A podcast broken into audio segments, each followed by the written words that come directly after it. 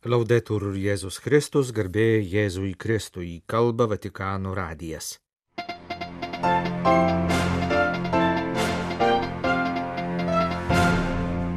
Popiežiaus bendroji audiencija, katechezė, popiežiaus prašymas melstis už Ukrainą, Izraelį ir Palestiną. Paskelbtas komunikatas apie Vatikane vykusį popiežiaus ir kardinolų tarybos posėdį. Sausį bus šeštą kartą teikiama teroristų nužudyto kunigo vardu pavadinta žurnalistų premija. Italijos Bario mieste iškilmingai minėta šventojo Mikalojaus šventė. Popiežius Pranciškus trečiadienio gruodžio šeštosios rytą vadovavo bendrajai audiencijai Pauliaus VI audiencijų salėje. Pranciškus pradžioje pasveikino maldininkus iš įvairių kraštų, pažymėdamas, kad jaučiasi daug geriau, bet skaitimas jį per daug vargina. Pranciškaus katechezę audiencijos dalyviams itališkai perskaitė popiežiaus bendradarbis. Fratelli e sorelle, buongiorno. Benvenuti tutti.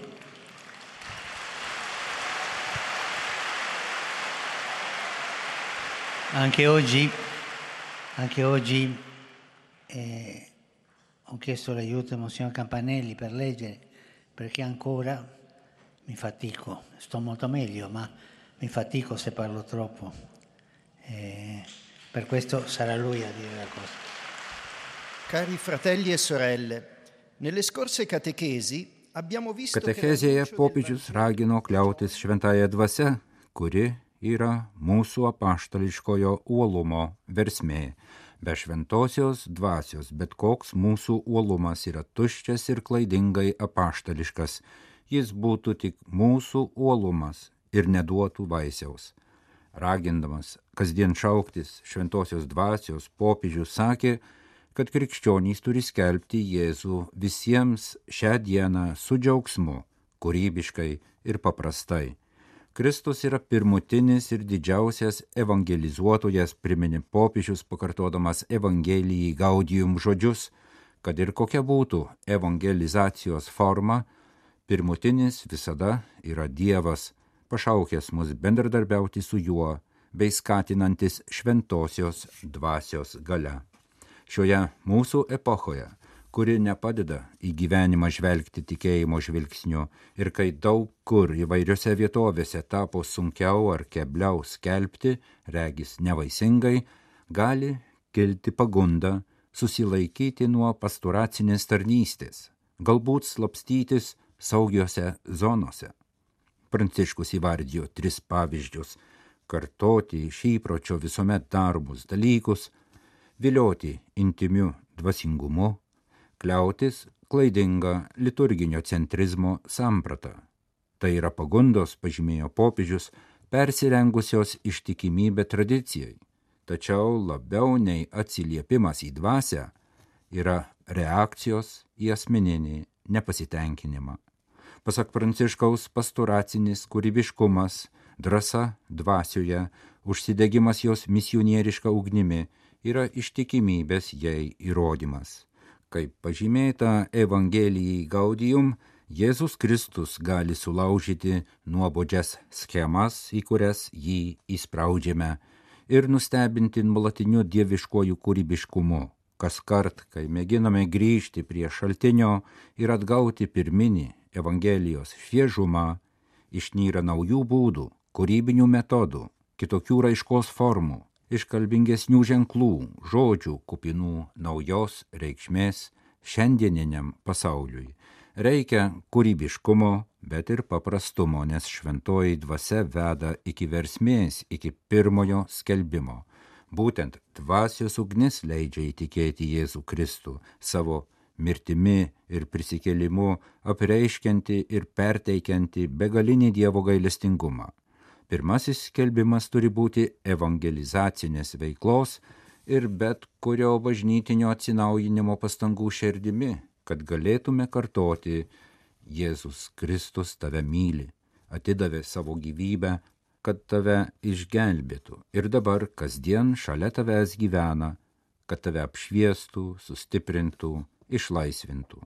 Pranciškus paragino, Leiskimės būti šventosios dvasios užvaldomais ir kiekvieną dieną šaukimės jos. Šventoji dvasia te būna mūsų būties ir veiksmų esmė, te būna visų mūsų veiksmų, susitikimų, suvažiavimų ir skelbimo pradžioje. Ji atgaivina ir atnaujina bažnyčią, su ją neturime bijoti, nes ji darna visuomet palaiko kartu kūrybiškumą ir paprastumą, sužadina mūsų bendrystę ir siunčia į misiją, atveria skirtingumui ir veda į vienybę. Ji mūsų jėga, mūsų skelbimo alsavimas, apaštališkojo uolumo versmė. Ateik šventoji dvasia.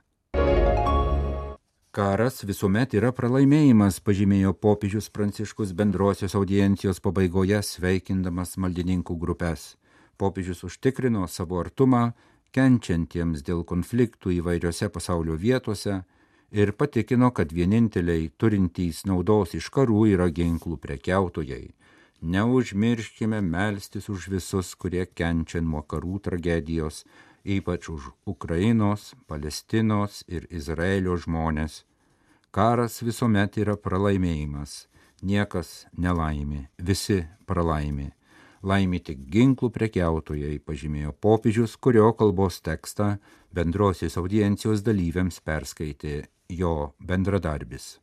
Taip pat sveikinime audiencijoje dalyvavusiems Lenkams maldininkams popiečius paminėjo Rusijos karo prieš Ukrainą temą, priminęs, kad Lenkijoje kitą sekmadienį minima maldos ir pagalbos rytų bažnyčioms diena, popiežius padėkojo visiems, kurie savo malda ir aukomis remia rytų bažnyčias, ypač kenčiančioje Ukrainoje. Trys Nobelio premijos laureatai popiežiaus bendrosios audiencijos pabaigoje Pranciškui įteikė deklaracijos dėl žmonijos brolybės tekstą. Šių metų vasarą kelios dešimtys Nobelio premijos laureatų pasirašė deklaraciją ir ją paskelbė Šventojo Petro aikštėje įvykusiame pasaulinėme mitinge dėl žmonijos brolybės Not Alone.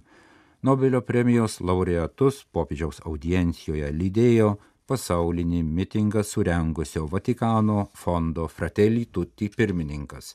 Deklaracijos įteikimas popiežiui buvo simboliškas įvykis ir anot fondo Fratelli Tutti dokumento pristatymo kitose planetos vietose pirmas etapas.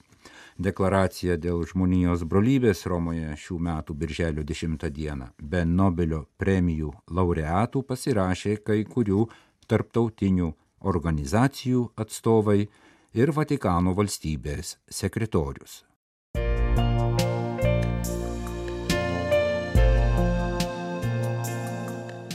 Jūs klausotės Vatikano radio. Tęsėme žinių laidą lietuvių kalba.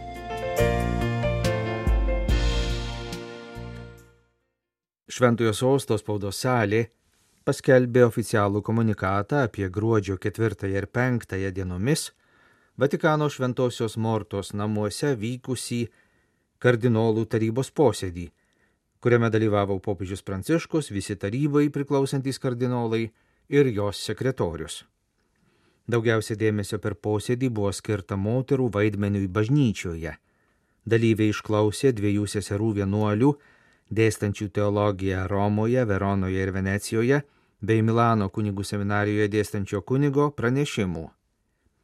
Taryba sutarė, kad visų pirma vietinėse bendruomenėse būtina pagilinti moterišką į bažnyčios aspektą, kad sprendimų prieimimo procesuose būtų labiau atsižvelgiama į moterų indėlį. Per pastarąjį kardinolų tarybos posėdį buvo taip pat aptarta socialinė, politinė ir bažnytinė padėtis įvairiuose tarybos narių kilmės regionuose. Kalbėta apie tebesitęsiantį karą Ukrainoje ir sunkę padėtį šventojoje žemėje. Taip pat apie Dubajuje vykusios jungtinių tautų bendrosios klimato kaitos konvencijos šalių konferencijos darbus. Kardinolas Patrikas Šaunas Aumalį iliustravo keletą hipotezių, kaip galėtų toliau būti skatinama nepilnamečių ir pažeidžiamų asmenų apsaugos ir išnaudojimo prevencijos veikla praėjus penkeriems metams po 2019 m. vasario mėnesį Vatikane vykusio susitikimo. Galiausiai per posėdį buvo aptarta neseniai vykusi vyskupų sinodo asamblėjos pirmoji sesija bei buvo svarstoma, kaip vyskupijų kurijose įgyvendinti apaštališkosios konstitucijos predikatą evangelium dvasia, principus ir kriterijus. Kitas kardinolų tarybos posėdis vyks ateinančių metų vasario mėnesį. 2016 metais nužudyto prancūzų kunigo Žako Amelio vardu pavadinta premija galės būti apdovanojami ne tik Prancūzijos, bet ir kitų šalių žurnalistai. Apie premijos sutarptautinimą ir apie kriterijus, kurių turi laikytis pretendentai, buvo kalbama per Romoje vykusią spaudos konferenciją, kurioje dalyvavo nužudytojo kunigo sesuo Roselin Amel. Konkurse jau šeštą kartą teikiama į Žako Amelio premijai gauti gali dalyvauti spaudos, radio, televizijos ir interneto žurnalistai, kurie savo darbus skatina dialogą tarp religijų. Ateinančių metų premijai nominuojamas darbas turi būti pirmą kartą paskelbtas ar transliuotas tarp 2023 e, m. vasario 1 ir lapkričio 30 dienos. Premijos teikimo ceremonija vyks 2024 sausio pabaigoje Lurde per tarptautinį žurnalistų susitikimą kasmet rengiamą sausio 24 dieną minimo žurnalistų globėjo Šventojo Pranciškaus Salezo liturginio minėjimo proga. 1930 metais Normandijoje gimęs kunigas Žakas Amelis visą gyvenimą tarnavo to Prancūzijos regiono Ruano arkiviskupijos parapijose – 2000-aisiais jis buvo paskirtas mažo miestelio prie pat Ruano Saint-Étienne du Rouvray klebonu. 2005-aisiais jis išėjo į pensiją, tačiau pasiliko gyventi toje pačioje vietoje ir toliau patarnavo sielovadoje, aukojo mišes. 2016 Liepos 26 rytą du peiliais ginkluoti vyrai įsiveržė į miestelio bažnyčią ir įkaitais paėmė joje buvusius kelis asmenys mišęs aukojusi kunigą ir dalyvius. Viena vienuolė sugebėjo pabėgti ir apie užpolimą pranešti policijai. Po maždaug 40 minučių į užimtą bažnyčią įsiveržusi policija nukovė abu užpolikus.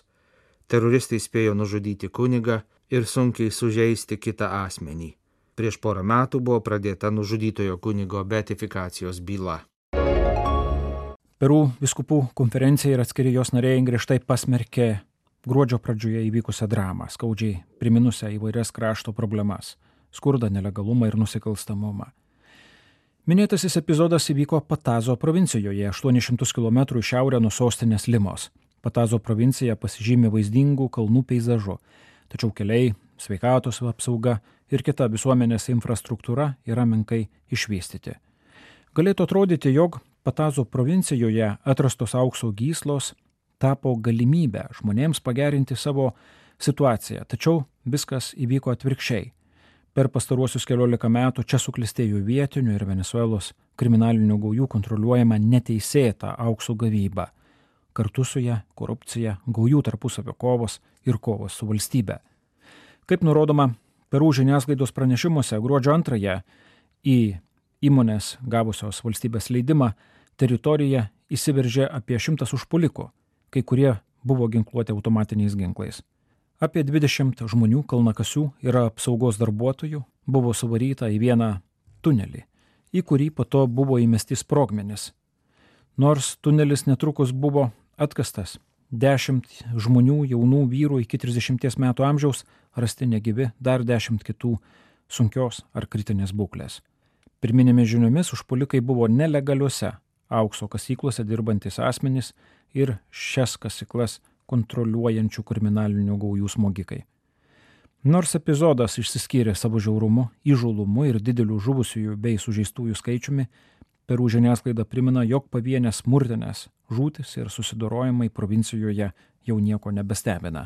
Perų katalikų viskupų konferencija ir atskiri jos nariai paskelbė komunikatus, kuriuose pasmerkė žiaurų nusikaltimą ir atkreipė dėmesį į valstybės nesugebėjimą užtikrinti saugumą. Ar mes savo visuomenėje pasiekėme tokį apgailėtiną ir nežmonišką lygį, kad žmonių gyvybių atimimas nebeturi jokios svarbos, klausė Truhiljo arkivyskupas ir Perų biskupų konferencijos pirmininkas Hektoras Mikuelis Kabrejos Vidarte.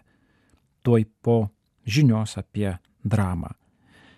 Kitame pareiškime, paskeltame jau visų krašto viskupų vardu, arkivyskupas pabrėžė, jog Perų visuomenė piktina korupcijos lygis valstybės institucijose ir jų neveiklumas tuo metu, kai jos turėtų be grupinių ir šališkų interesų rūpintis kiekvieno orumu ir visų gerovę.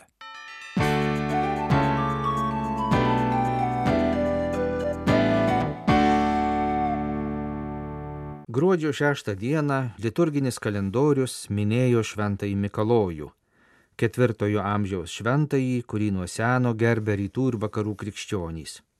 Labai iškilmingai šventė minima pietų Italijos Apulijos regiono Bario mieste, kuriame jau daugiau kaip 900 metų saugomos šventojo relikvijos.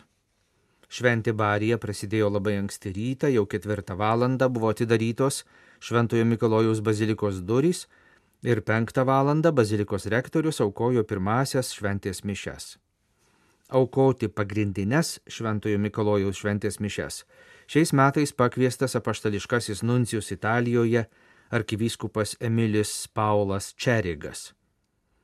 Kaip kasmet šventę užbaigė iškilmingą procesiją su Šventojo Mikalojaus atvaizdu Bario senamieščio gatvėmis.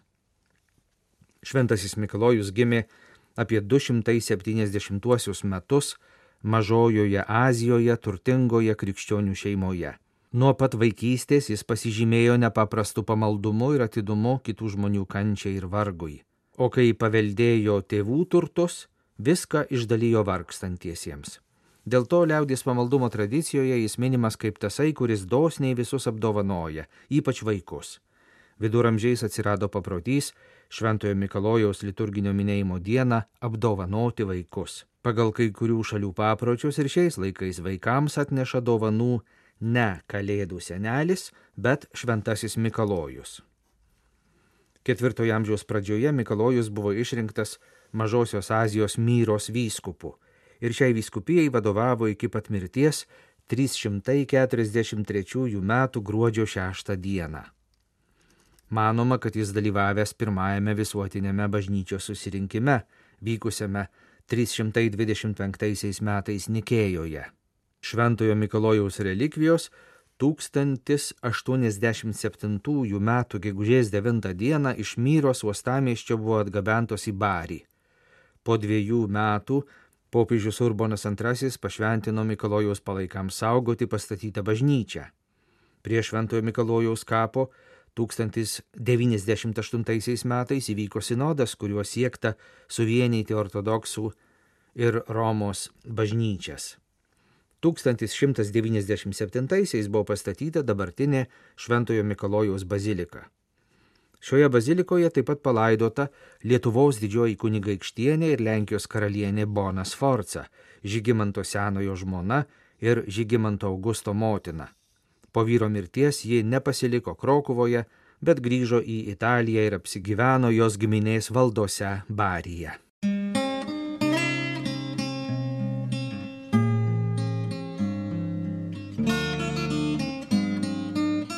Kalba Vatikano radijas. Laidą lietuvių kalba baigėme.